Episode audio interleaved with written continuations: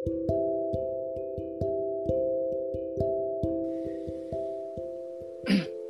semuanya, baik minggu ini kita kedatangan narasumber baru lagi seorang wanita cantik Putri Indonesia Sumatera Barat 2020, bener kan kalian?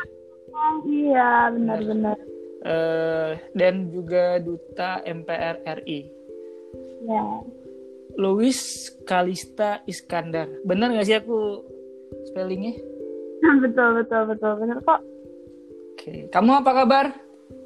Baik, baik, baik. Cuma lagi di rumah aja. Jadi lagi santai-santai aja sambil benerin dikit-dikit skripsi dan kerja dikit. Ya, ya, apa kabar? Aku baik, aku baik. Lagi ya gitu-gitu aja kan di rumah olahraga gitu kan. Ya. Sekarang di Padang kan ya? Ya, aku di Padang, aku di Padang. Aku kuliah di sini kan. Ya, di UNT-nya kan kamu. -mm. Kamu lagi sibuk apa sekarang di di selain skripsian kan? Iya, ini lagi sambil agak ada project. Aku sendiri mau mulai uh, YouTube channel sama teman-teman. Hmm, keren keren. Ada lagi baking baking aja sih sama cuma di rumah sama keluarga sama anjing-anjing aku. Hmm. Jadi sambil gitu dan sambil sekarang kan lagi nunggu sidang, jadi lagi persiapan, lagi benerin-benerin yang perlu dibenerin dan sidangnya dan lagi siap milih tempat buat magang atau kerja gitu abis ini hmm. mulai dulu kayaknya keren keren keren eh kalau bisa deketin lagi nggak itunya apa micnya itu biar oh, lebih ya. Biar lebih jelas gitu suaranya oke okay. itu suara oke okay. biar jelas aja gitu oke okay, oke okay. uh, selain itu sibuk apa lagi buat YouTube terus nunggu sidang selain itu ada lagi nggak kesibukannya uh, yang kayak tadi sih yang apa namanya lagi sambil baking di rumah sama anjing sama keluarga sambil olahraga lah ya harus sehat kita walaupun di rumah aja. Hmm. terus sambil nonton palingan lebihnya sama a few project coming in. Jadi kalau misalkan udah jadi dari aku bisa cerita ntar oke oke. Baik ke Kalista Iskandar. Iya. aku mau nanya nih Kal di di di awal podcast kita. Ini pertanyaan yang mungkin ke waktu kita kecil sering ditanya sama guru-guru gitu. Uh, apa sih Kak arti dari nama kamu? Louis Kalista Iskandar. Pertanyaan guru-guru dulu kan seperti itu. No ever asked that question before but it sebenarnya pas uh, jadi Louis pertama dari oma nama oma aku. Oma mm. aku di di, di keluarga aku sebenarnya kebetulan ada lima orang namanya Louis juga gitu mm. kalau kali Kalista itu artinya itu dari bahasa Yunani ingat aku. Kalau nggak salah tuh kayak Greek goddess gitu ya goddess of beauty. Jadi ceritanya yang aku dikasih tahu kalau nggak aku baca-baca juga bahwa dulu itu cewek ini tuh banyak kayak mendapat perhatian cowok gitu terus hmm. kayak oh jadi fall love her tapi dia nggak pernah mau. Jadi akhirnya dia kayak stuck dan gitu semacam dan ya so my parents see that. Karena kebetulan tadinya tuh aku harus pertama diprediksi lahir sebagai cowok. Oh. Jadi, oh, iya jadi udah disiapin nama yang paling berbeda gitu bukan Kalista. Datang datang hari lahir eh tiba-tiba cewek ya udah jadi udah ada persiapan nama juga ya kenapa enggak gitu kali sekali ini. Iskandar ya. nama keluarga ya? Ya Iskandar nama keluarga aku. Dari dulu tapi pas kita pertama datang dari karena karena kan kita dari Padang tapi Padang juga kita dari Cina langsung kan. Jadi pas pertama datang kita harus ganti nama. Hmm. dari dari marga Cinanya jadi marga Indonesia nya ya lah ya gitu. Oke. Okay. pertanyaan pertanyaan ini aku yang rada aneh apa suara kamu? Jelas tapi uh, rada gimana ya? Gimana gimana? Ini aku udah depan depan apa? Udah depan phone. Oke oke. Oke kita, kita lanjut aja kali ya. Pasti boleh boleh eh ini kak, ini pertanyaan klasik sih sebenarnya, pertanyaan klasik. Eh, yang mungkin banyak juga yang nanya ini ke kamu. Kenapa? eh, apa alasan kamu memutuskan untuk ikut Putri Indonesia tahun tahun ini berarti kan? iya 2020 Iya. sebenarnya aku alasannya it's quite simple sih. Maksudnya kan pasti ada banyak orang yang alasannya oh karena udah impiannya dari kecil gitu kan sering nonton. Nah kebetulan aku tuh nggak gitu. Aku tuh jadi pertama semuanya mulai dari pas aku ikut putra putri batik Nusantara di 2019 Mm-mm. dan finalinya ada pageant lovers yang kayak supporters lah gitu. Nah terus mereka tawarin kamu coba ikut Putri Indonesia I was like okay I'll consider it gitu. Kayak ya udah. Tapi kan aku sambil ma- magang juga kan jadi aku juga belum tahu bisa persiapan atau bisa apa latihannya gitu. Nah terus pas saya magang aku lihat makin tahu uh, platform yang YPI dan Putri Indonesia memberikan gitu dan kesempatan-kesempatan semuanya dan ngeliat ini suatu yang bisa berdampak baik untuk orang-orang jadi kayak ya udah uh, let's do it you know kayak jalanin gitu kayak Hmm. mungkin banyak orang kayak oh harus mikirin panjang lebar harus benar-benar perhatian ha- hatiin gitu ya kalau aku kadang-kadang kayak udah pokoknya jalan jalan aja gitu Mm.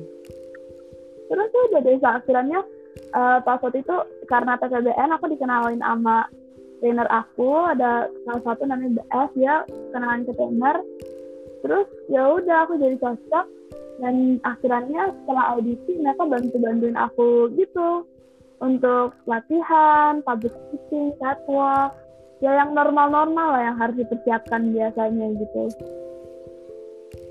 Oke.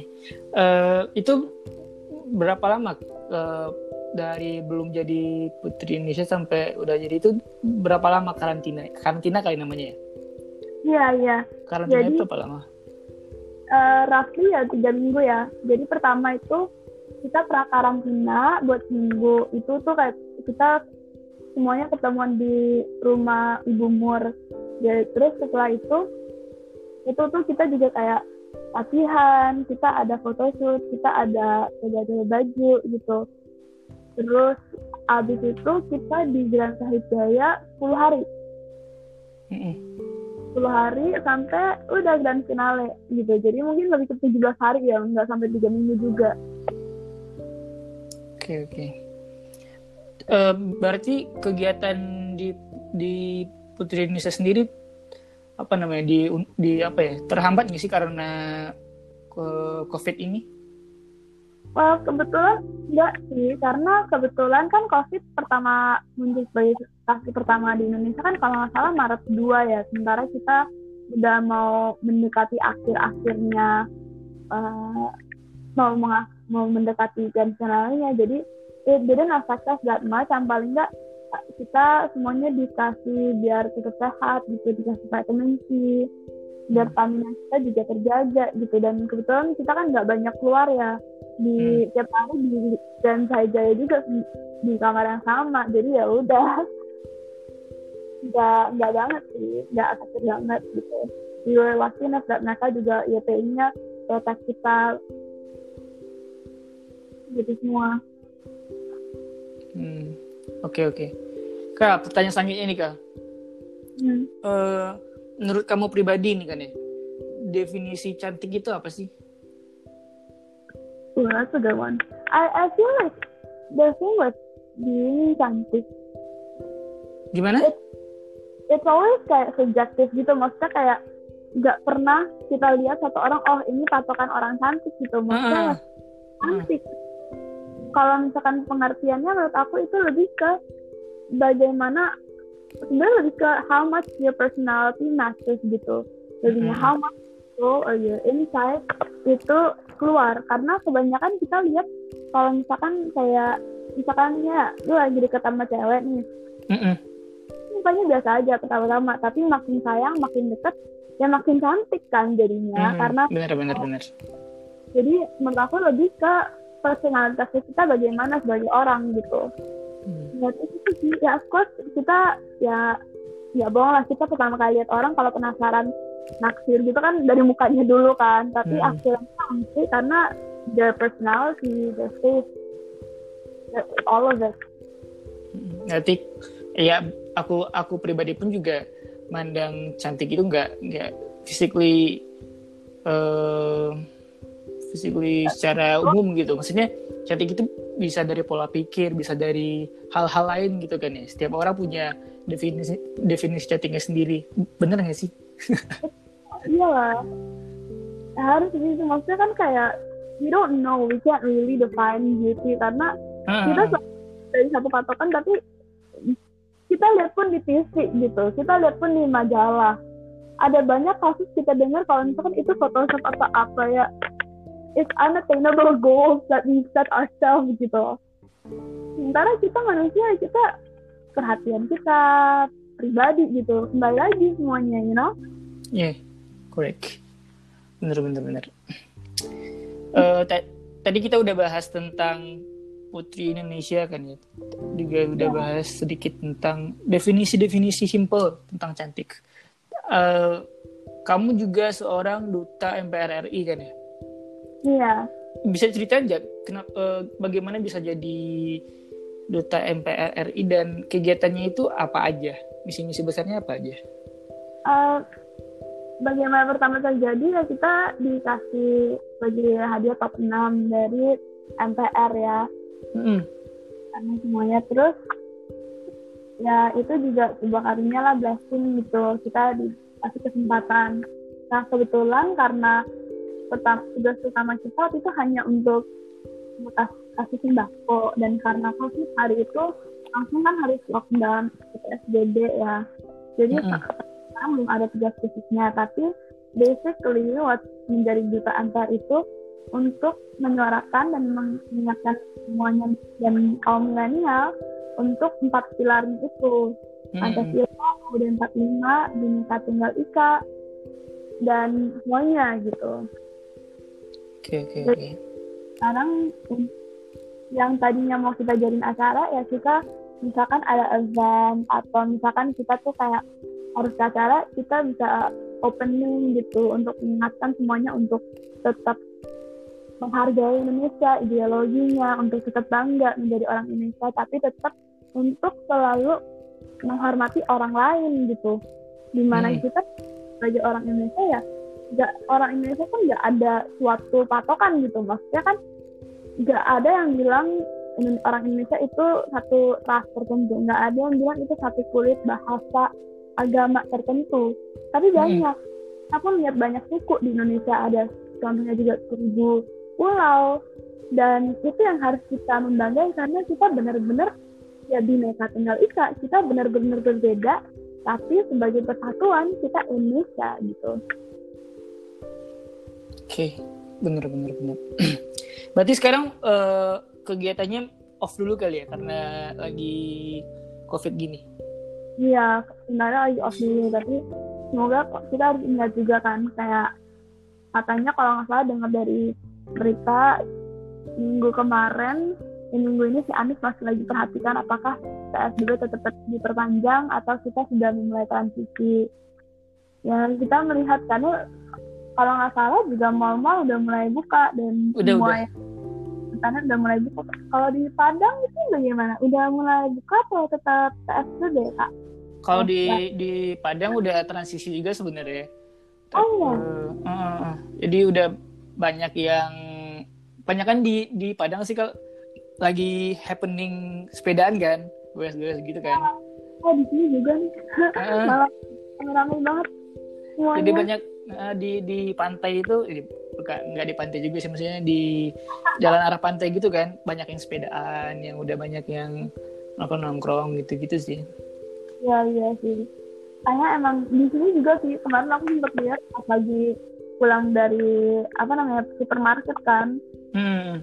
Oh, aku lihat tuh kayak 50 orang kayaknya di hari Minggu tuh tiba-tiba ada aja rame-rame dari kawasan Sudirman sampai Senopati gitu. Ini hmm. banget. Ini kalau nggak salah juga beberapa teman-teman aku udah mulai lagi pada mau beli. Karena seru juga gitu loh karena masih bisa cepat mungkin kadang-kadang nggak bisa susah ya buat pakai masker tapi we're not in one place for too long. Jadi dan olahraganya sekalian banyak banyak keringatnya yang keluar ya. Iya iya iya. Kalau kan kalau saya sering sering sepedaan aku aku di di rumah aja workout gitu-gitu di di rumah aja sih sebenarnya. Aku banyak di rumah paling kalau keluar untuk hal-hal penting. Saya kuliah juga nggak nggak nggak di kampus karena kan emang di di rumah doang jadi nggak terlalu banyak intens ke luar banyak di rumah aja. Oh jadi online kelas juga ya jadinya? Ah, ah, ah, ah, semuanya online aja. Ya sama sih kita juga begitu kebetulan baru pas aku selesai di bulan Mei kalau nggak salah udah udah nggak zoom lagi jadi tadi kita selalu tiap hari zoom google meet gitu hmm. ya. tapi hebat sih maksudnya kita juga jadi tahu sebenarnya kalau misalkan kita mau digitalize atau WFH ya semuanya bisa gitu bisa hmm. di disesuaikan dengan kita cuman tinggal kita laksanakan saja gitu ya tapi info-info dari perkembangan kasus setahu aku meningkat nggak sih? Maksudnya cukup naik di masa transisi ini nggak sih? Yang dari aku baca sih kalau nggak salah ada Sim. ya ada hampir 900-an juga gitu. Makanya kita juga harus tetap waspada. Iya benar-benar.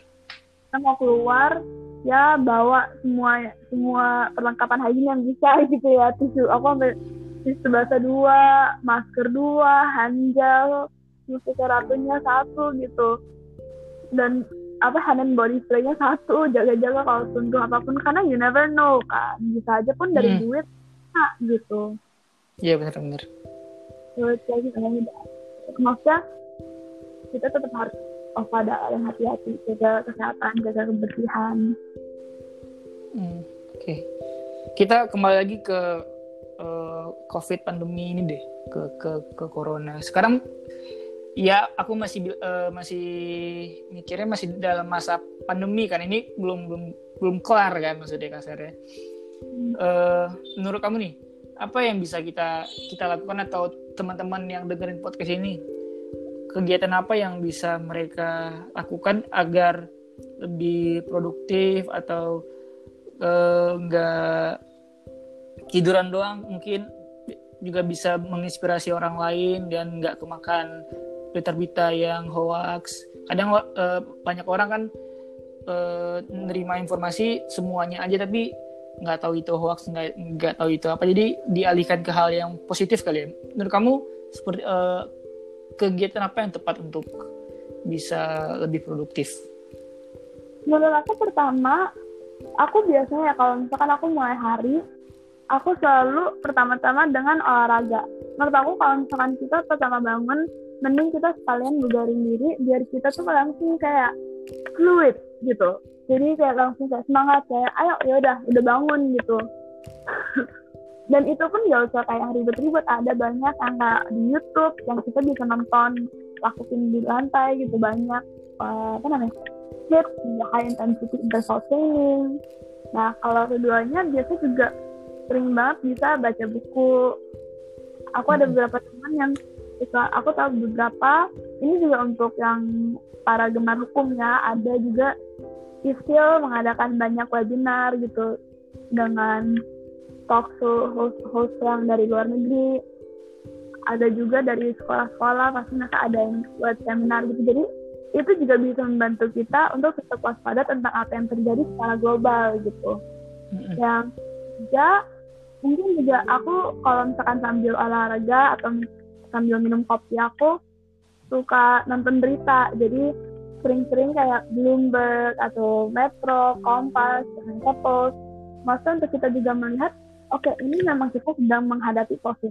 Tapi apakah apa itu dampak-dampak COVID ke dalam kayak perdagangan kita? Apa dampaknya ke dalam mining oil kita gitu? Dan sekarang pun kita banyak lihat kayak contohnya New Zealand ada mereka baru buka lockdownnya ternyata mereka nggak ada kasus jadi sekarang mereka mempersiapkan perekonomiannya gitu. Mm. terus hal yang kita juga bisa menambah wawasan gitu ya. Terus kayaknya tuh yang ketiga menurut aku tuh yang paling bantu juga untuk selalu mungkin ada tugas-tugas dijadiin ada to-do list jadi yang sering aku lakukan juga pokoknya in one day harus selesaiin berapa hal gitu. Patokannya harus selesaiin tiga tugas. Ya udah pokoknya nggak mau tahu harus selesai. Karena kalau misalkan kita set a goal kita set an expectation what we need to achieve each day atau maybe by the end of the week kita akan lebih berjalan lebih produktif karena kita lebih mikir oke pokoknya harus selesai. Nggak bisa nggak gitu you know? Mm. I think kalau misalkan pun nggak ada beberapa yang mager ya kasar yang gituan bisa juga baking. I know a lot of people sekarang mulai kayak baking kalau masak. Aku sendiri juga mulai gitu. Karena seru gitu. Dia mau ngapain lagi ya gitu. Itu nambah waktu nambah perhatian. Iya, daripada iya. apa ya udah liatin ke makanan nggak apa-apa sih aku juga. Aku pun kemarin kayak bikin cinnamon rolls gitu I think it took me kayak lima jam ya. Karena pertama harus persiapan terus harus pakai yeastnya gitu. Nah itu yeastnya pun harus jam kalau terus harus kayak proofing katanya. Itu dua jam gitu. Jadi makan waktu makan waktu banget. Itu of waiting jadi kayak ya udah kemudian tadinya olahraga kemudian karena main sama peliharaan renang Hmm. lah apalah. Hmm. Enggak, berarti emang kita cari kesibukan yang emang em, positif kali ya? Bisa ya, bisa di, di dikatakan positif kali ya?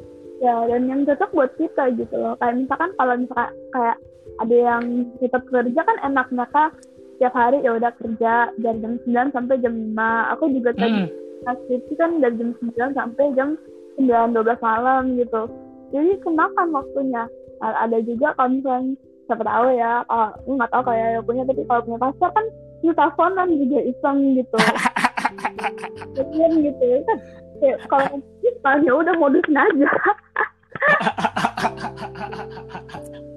Oke oke, keren keren. Keren keren. Baik baik kita ke ke pertanyaan selanjutnya nih. Hmm. Jadi kita udah bahas terkait kamu tentang COVID juga. Kita bahas tentang Sumatera Barat. Wah. Sumatera Barat. Kamu terakhir ke Sumatera Barat itu kapan? pas Februari tahun ini tadinya sambil ketemuan dengan pemprov. Aku juga ketemu sama kenal sama teman-teman baru. Bikin video taping sekalian untuk Putri. Mm-mm. Ya, tapi pengen sih kangen balik ke situ. Ada banyak bagian yang belum aku telusuri lagi gitu lebih dalam karena kemarin aku cuma di situ gak lama sih kayaknya cuma tiga hari cuman Hmm. karena banyak kerjanya jadi kayak ya udah satu kali pakai itu Hmm. Eh, apa yang kamu kangen dari Sumatera Barat? oh ada banyak sih kayak pertama aku kangen sama kawasan mandainya kayak kemarin aku sempet ke Labuan Binjai gitu resort kan yang dua jam dari Padang Yap. Seru banget. But it's so pretty. Aku pengen balik bawa teman-teman juga. Aku juga kangen sama uni-uni aku di Batik Tanah Liat Pusat Komando. Mereka tuh yang jadi mereka yang pertama yang jemputin yang anterin yang bantu temenin gitu gitu dan mereka kayak udah kayak kakak sendiri gitu kayak uni sendiri. Mm-mm. so, aku kangen mereka sih kayak itu dia dan ketiga pasti makanannya lah ya. Itu makan padang. Tebel kayaknya rasanya Makanan favorit kamu apa? Uh.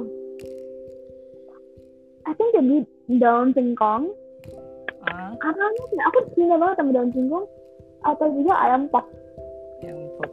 Kalau rendang? Wah, itu enak juga sih. Jadi pengen lagi sekarang. Kamu selain ke Mande pernah ke mana lagi? Ke Bukit Tinggi, ke Jam Gadang pernah nggak? Sejam gadang pernah, tapi pas aku kecil. Oh, Jadi dulu aku sama keluarga beberapa kali udah pernah ke Bukit Tinggi, ke Padang gitu juga. Pas aku di Bukit Tinggi, kita tuh tinggal di sebuah rumah tua gitu rumah tradisional Mm-mm. yang kayak rumah gadang gitu ya dan tapi ini tuh saking tradisional tuh nggak ada AC nggak ada wifi kita tuh tidak ada nyamuk juga gitu ya. Iya iya iya. fun experience. Maksudnya ini juga bagaimana sebagian hidup juga kan sekarang. Jadi pengalaman yang baik juga gitu. Dan kita kalau salah waktu itu di dekat di antara di antara padi. Jadi Hmm. lumayan atas. Berarti kamu belum terlalu banyak ke daerah-daerah di Sumatera Barat nggak sih sebenarnya? Banyak yang pe- perlu kamu eksplor nggak sih? Ah, masih banyak yang perlu aku ekspor deh karena kan kebetulan keluarga aku dari Padang dan Bukit Tinggi jadi kita kedua tempat itu kalau tempat-tempat lainnya kebetulan aku masih perlu ingatkan lagi dengan berada di tempatnya gitu ya Ya banyak seperti Harau, seperti apa lagi ya? Eh, kamu pernah ke pantai air manis nggak? nah Belum itu belum waktu itu Belum. aku tapi karena waktu-waktunya nggak sempat Hmm, karena kadang bagus banget ya di situ Iya iya iya. Luar biasa sih. Mungkin lain-lain waktu kamu ke ke Padang bisa jalan-jalan di sini kali ya. ya aku juga pengen lihat nih kata ada kan ada Lake Maninjal juga bagus sama Princess Sebelat Hmm. itu juga bagus-bagus jadi masih banyak karena yang aku lihat ya kayak ini salah satu yang kita perlu perhatiin juga di Indonesia dan di Sumatera Barat ada banyak tempat yang sangat-sangat cantik gitu Hmm, Kalau hmm. kan kayak mirip kayak Bora-Bora ada yang mirip kayak Maldives tapi kita nggak tahu karena it's everywhere you know Iya iya. ya so it is time to explore juga kita kayak oh ini ke mana aja yang cocok buat apa kan ada kepulauan Mentawai juga ada buat tempat surfing kalau nggak salah yang susah banget buat semua di dunia gitu Mm-mm. So it's a lot of things yang sebenarnya kita ada Indonesia dan Sumatera Barat juga banyak cantik-cantiknya tapi kita perlu menelusurinya lagi kita perlu kembali ke alam gitu ya Iya. Menikmati alam itu bisa dengan cara apa aja? ya ya gitu Oke. Eh, setelah ada rencana nggak sih rencana mau balik ke maksudnya mau ke sini lagi dalam waktu dekat ya ya walaupun kita tahu lagi ada pandemi kali ya maksudnya ada rencana-rencana "Ah, aku mau ke Su- Sumbar lagi ah pernah kepikiran gitu nggak? Oh sering. Aku pengen sebenarnya balik. Pas-pasan kan covid jadi harus nunggu dulu gitu. Dan dan jadi setelah selesai itu ya, kalau bisa ntar amin kita cepat cepat hadapi ini dengan baik, dengan benar, dengan teratur. Kalau bisa datang langsung monggo, monggo. Oke oke. Kembali lagi ke, ke kamu pribadi nih kang. Hmm. Kamu kamu pribadi sebenarnya cita-citanya mau jadi apa kal untuk kan kita ini masih muda kan ya masih ya masih muda lah ya Iya. masih muda masih muda kan ya terus cita-cita cita-cita kamu besar mau jadi apa misalkan nih kamu mau jadi lawyer atau kerja di dunia entertain apa di mana gitu So far ya, aku tetap pengen di dunia lawyer ya. Maksudnya, ini juga dari dulu, seberapa pun aku coba melakukan hal lain, kayak entertainment, akhirnya aku selalu tetap jatuh cinta sama hukum gitu. Dan tetap jatuh cinta sama law firm, sama doing the law, reading the law, analyzing the law. Kayak, itu tuh serasa kadang-kadang kayak seninya sendiri. Bagaimana kita menganalisis dengan baik dan benar dan kuat gitu Mm-mm. jadi untuk sementara sekarang masih ada keterkaitan atau tertarik gitu dalam hukum tapi kalau misalkan pun ada siapa tahu coba untuk dunia entertainment atau government gitu aku juga really down to try karena I feel yang aku perhatiinnya dan aku pernah baca ada studi 80% dari anak itu tidak akan melakukan apa yang mereka melakukan sebagai jurusan pas kuliah gitu. Jadi pas kerja itu lebih entirely different. Kayak Mm-mm. sama aku pun dia dari yang sebelumnya tuh dia tax accountant terus tax lawyer sekarang dia ke lukisan kan belok sekarang dia penjual lukisan gitu loh Oh. Asli. Itu kayak belok 80 derajat ya itu Iya iya iya benar benar benar.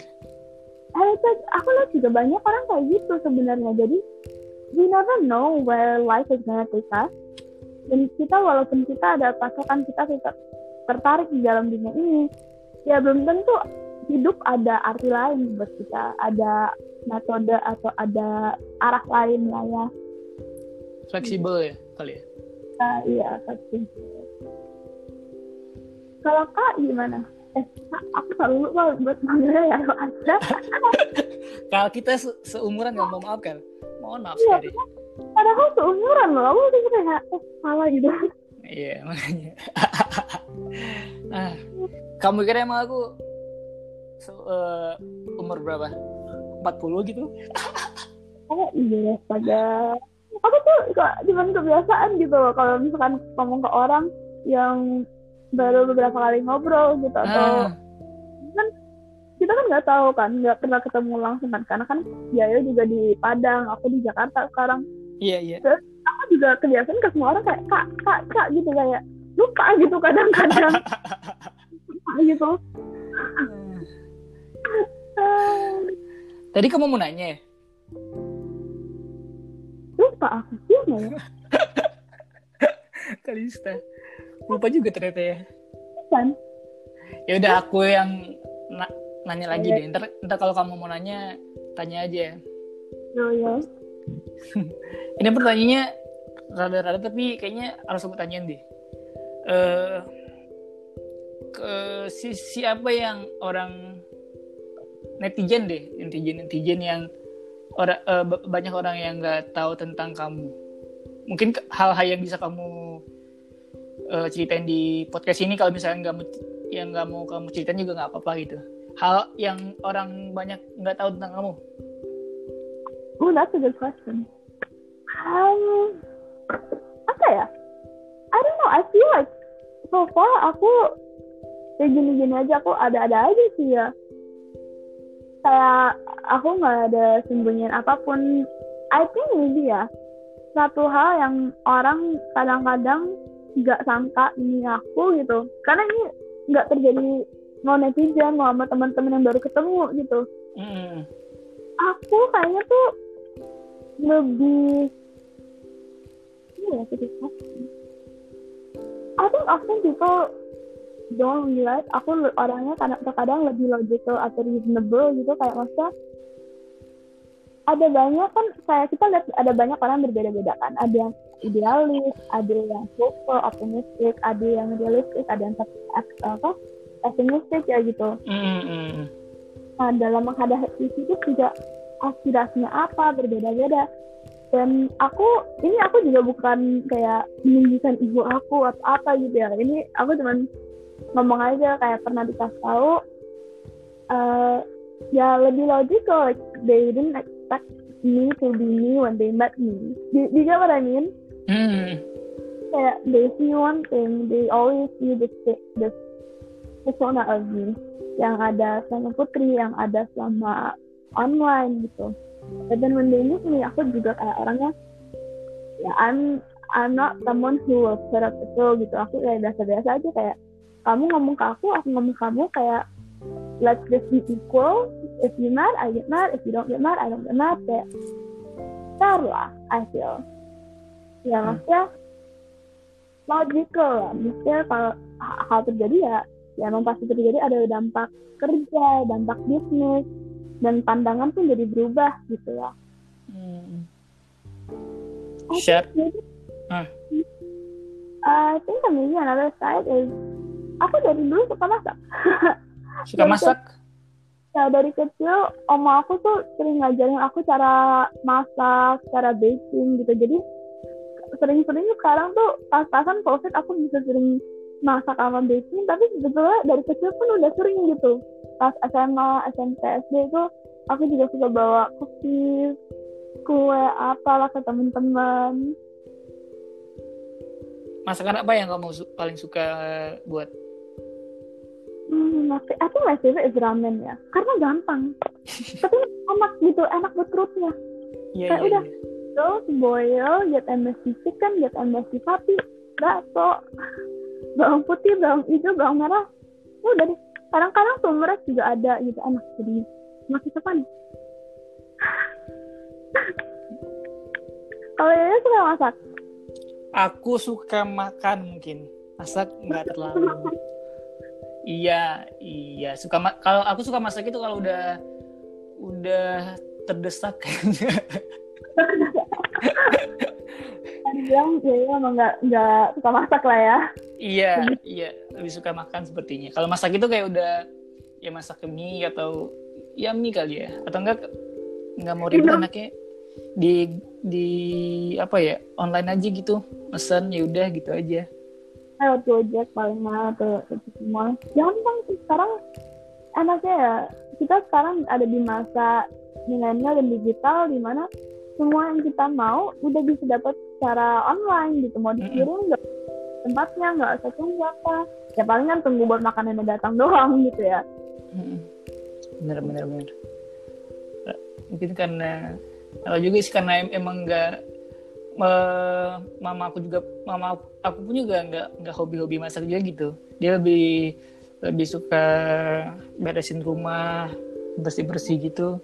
Jadi ke kayak nular ke anaknya. Anaknya nggak terlalu suka masak tapi suka bersih bersih hal-hal yang hal-hal yang teratur di rumah gitu. Nggak mau be- belepotan di rumah. Ya Itu ya sih. ya.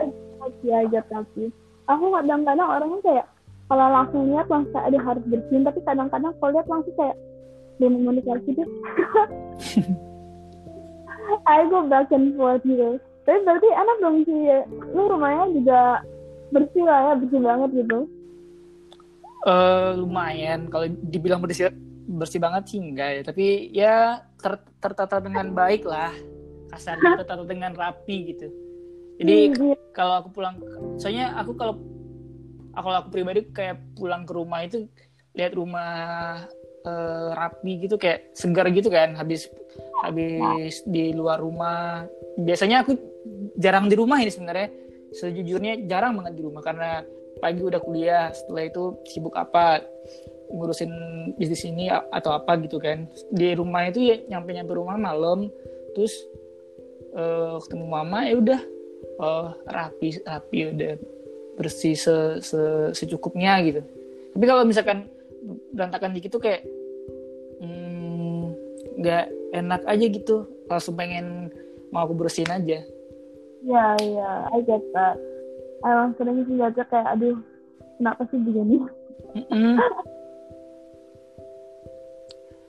Eh, next nih Kal Ya. kita udah kita udah mau di ending podcastnya ada nggak eh, ada hal yang belum aku tanyain nggak? Tapi mau kamu ceritain atau mau kamu bahas atau mau kamu kasih informasi untuk teman-teman yang dengerin podcast kita?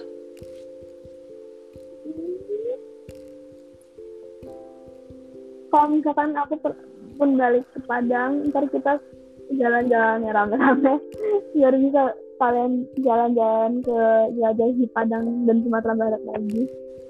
I think in terms of questions, it's pretty okay. Maksudnya I think it's pretty clear. I don't have anything more to add. I mean, it's, we've already gotten everything gitu. Kayak nggak ada pun yang pernah nanya arti nama aku apa gitu. So that's already a plus point juga, you know. ya You look, kayak no one, you never really ask a person what their name is. Maksudnya, it's a good thing. I mean, I'm, I'm complimenting gitu karena not a lot of people it, and I like it. And I think juga kita pun kalau lihat nama artis itu kan berdampak banget ke dalam personalitas kita, whether we realize it or not. So it's, it's always fun to see the meaning of short name sebenarnya. Walaupun nama aku gak ada arti sih sebenarnya nggak ada nggak ada artinya itu.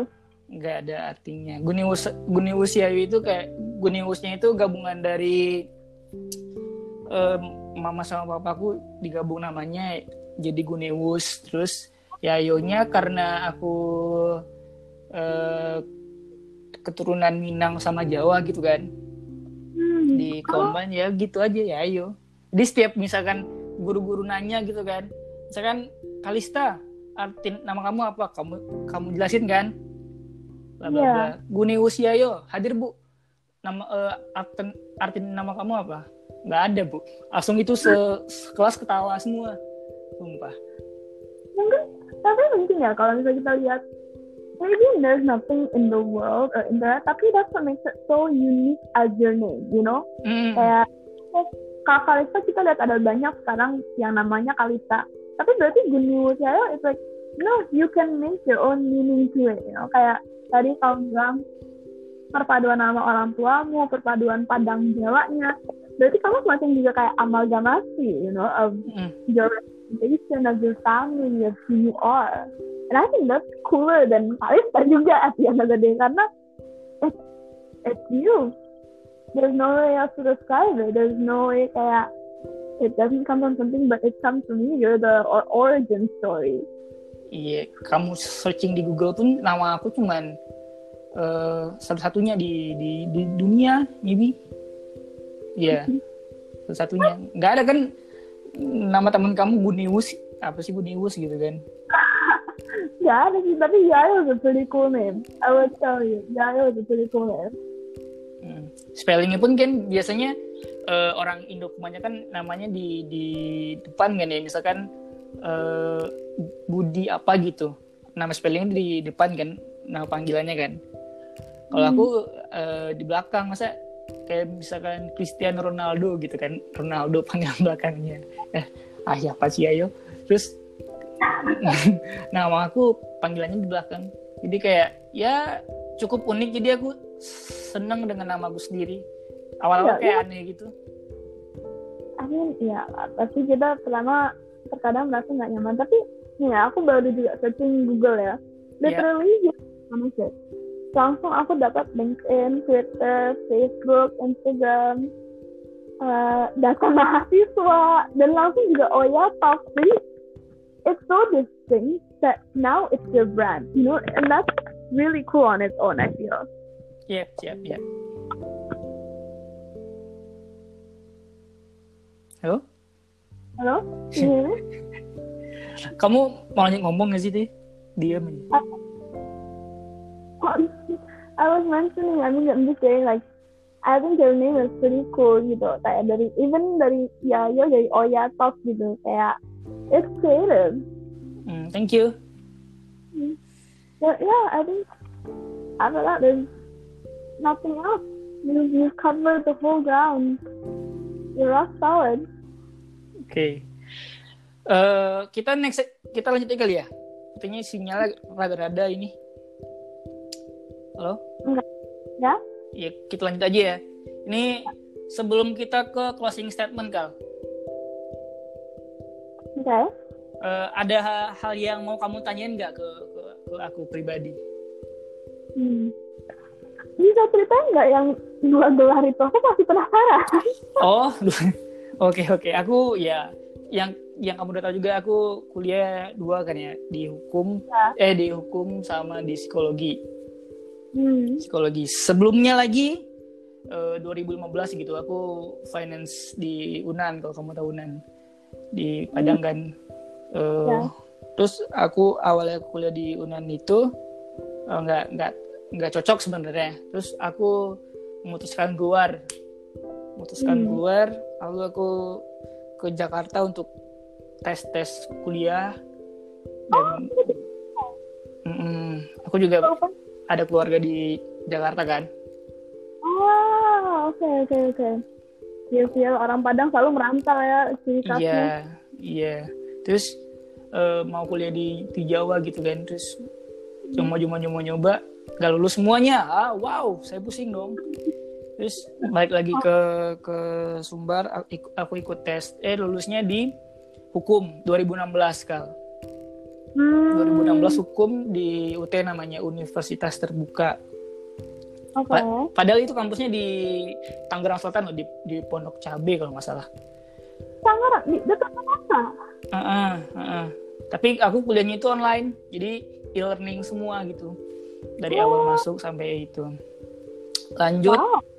uh, lanjut itu setelah e-learning kan aku kayak kayak nggak ada teman kan maksudnya kuliah ya aku dan laptop aja gitu. Terus Ya, ya. yang mau nyoba eh, magang di Ke- Kemenaker Kementerian Ketenagakerjaan udah magang nyari kesibukan. Lalu 2017-nya eh, ambil kuliah lagi dong ikut ikut, ikut ujian lagi kan. Ya, ya. ambil psikologi dan secara singkatnya lulus.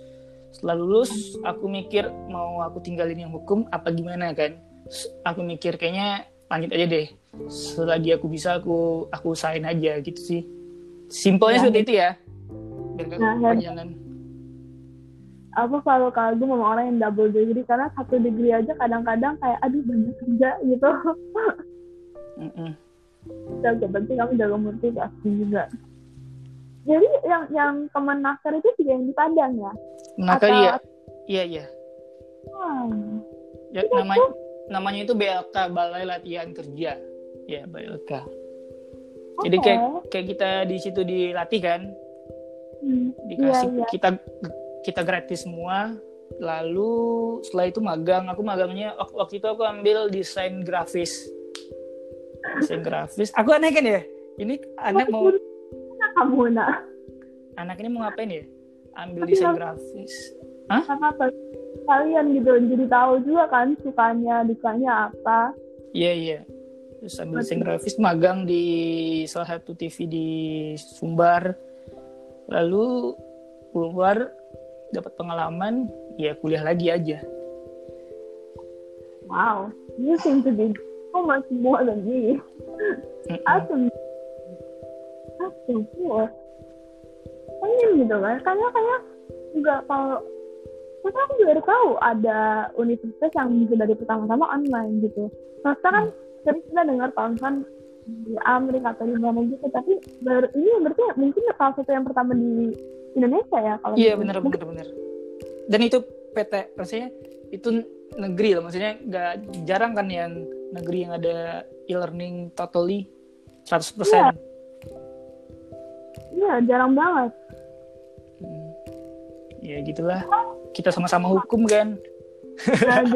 Ngerti kan itu hukumnya gimana tuh? Tahun ini eh, semoga bisa wisuda deh. Walaupun kayaknya cuman ijazah aja sih kayaknya aku. Doain Ya, aja deh. kamu udah sidang sekarang? Udah kelar sebenarnya dari awal tahun kemarin, tapi aku jadi sistemnya itu eh, udah paket kan. Jadi aku di semester ini eh, skripsinya udah kelar dari awal tahun, tapi masih ada mata kuliah lagi. Jadi nunggu nilai itu aja. Setelah ni- nilainya udah oke semua, ya udah nerima ijazah. Sebenarnya skripsi dan lain-lainnya udah kelar dari awal tahun aku sebenarnya. Hmm, oke oke oke. But that's so cool, so fun. Congrats. Thank you. Tadi tentang apa? Apa? Ya tadi tentang apa? Maksudnya? Ma- Maaf maaf suara kamu rada-rada. Skripsinya tentang apa eh, temanya? temanya tentang narkotika. Narkotika. Tentang undang-undang narkotika. Dan aku riset juga ke BNN kan BNN di sini. Hmm, iya iya iya. Aku panjang. lagi tahu sekarang masalah narkoba narkotikanya. Banyak yang tangkap tentunya. iya iya. Kak, waktu aku ke narkotikanya kok ada hubungan-hubungannya juga ngobrol sama teman eh, alumni aku yang di psikologi juga ada gitu menarik lah Karena- pokoknya Ya, karena pasti harus ada keter- keterkaitannya ya. Maksudnya alasan Hmm. alasan melakukannya, penyebabnya, apa yang pengaruh mereka gitu. Mm-mm. Awalnya aku ambil ini, aku kira nggak nggak akan ada sinkronisasi di antara dua kuliah ini kan, hukum dan psikologi. Ya, what? Maksudnya ini dua hal yang berbeda loh. Awalnya ya, aku mikirnya. Setelah aku jalani di dua-duanya, eh kok ada kok ada ke- keterkaitan, terus kok menarik ya. Kalau misalkan Ya. aku memutuskan untuk eh, profesional untuk memakai dua dua keilmuan ini kasarnya aku bisa maksudnya kasarnya gitu juga Bisa. sih. Uh-uh. bisa mengkombinasikan Ya. That's really interesting. Thank you ada, ada lagi yang mau kamu tanyain? Ini kita aku aku persingkat aja ya biar nggak kepanjangan kalau misalnya mau nanya lagi. Oh, but I think I think that's it from me. Iya. I'm done. Are you done? Ada lagi yang mau kamu tanyain? No, so far no. Oke, thank you. Tadi- Oh, ah, semoga kita nextnya bisa ngobrol ngobrol secara langsung ya. Kayaknya non yang virtual gini pasti ada kendala nggak sih kal? Ya gitulah namanya juga virtual ya. Ada aja kendalanya. Semoga kita bisa ngobrol-ngobrol ya kal ya. Hmm, sampai ketemu juga ya. Aku senang juga punya teman baru, Kalista. Hey, sini kal, sini sini sini main-main ke Padang. Pas Padang fix ketemuan, fix ketemuan. siap siap. Kita ngopi-ngopi bareng terus ngobrol-ngobrol tentang hukum, tentang apa. Kalau bahas hukum ntar kepanjangan lagi ini sebenarnya bahas-bahas. Soalnya kamu punya kamu punya perspektif yang menarik sih menurut aku. Antara aku mikirnya kita satu frekuensi apa gimana? Aku pun juga belum tahu sih tapi cukup menarik untuk untuk diskusi, untuk dialog aja gitu. Boleh, boleh, boleh. Ntar kita lanjutkan lagi. Siapa tahu podcast lagi. Siap siap. Kamu bu- buat podcast mungkin? Ntar aku ajak. Kalau aku bikin aku ajak, aku ajak. siap siap siap. Kalau kita udah di di di ending biasanya ada closing statement. Silakan closing statement dari kamu, Kal Luis Kalista Iskandar. Dipersilakan. Really. Um, it will be in everything and all that kalian kerjakan dalam masa pandemik, dalam masa hidup, tetaplah konsisten dan laksanakan dengan penuh hati, menggirang, dan 150% tenaga kamu. Udah? Udah. Udah. Oke, thank you banget ya kalian udah mau gabung di podcast podcast Ya. aku. Thank you banget udah udah mau ya ntar deh setelah ini aku mau panjang lebar. Makasih banget. Maaf maaf kalau misalkan ada yang kurang-kurang sopan dari obrolan kita. Maafin aku juga kalau ada perbuatan atau perkataan yang salah. I really had fun with this talk. It was really fun and interesting. Iya. Iya. Pengalaman pertama kan buat kamu kan? Ya betul betul betul. Ngobrol seperti ini nggak nggak akan ada kekakuan di antara kita ngobrol santai aja. Ya betul. Ya emang ini fun aja kayak teman-teman aja gitu. Iya bener bener bener. Bener. Inilah asiknya buat podcast seperti ini dengan ide. Itu juga lagi. I like it. I like it. Thank you sekali lagi, thank you Kal. Eh, makasih juga buat teman-teman yang udah dengerin podcast kami. Semoga eh, bisa ngobrol lagi sama Kalista di lain waktu. Sekali lagi thank you ya Kal ya. Thank you so much for having me. Dadah, bye. Bye.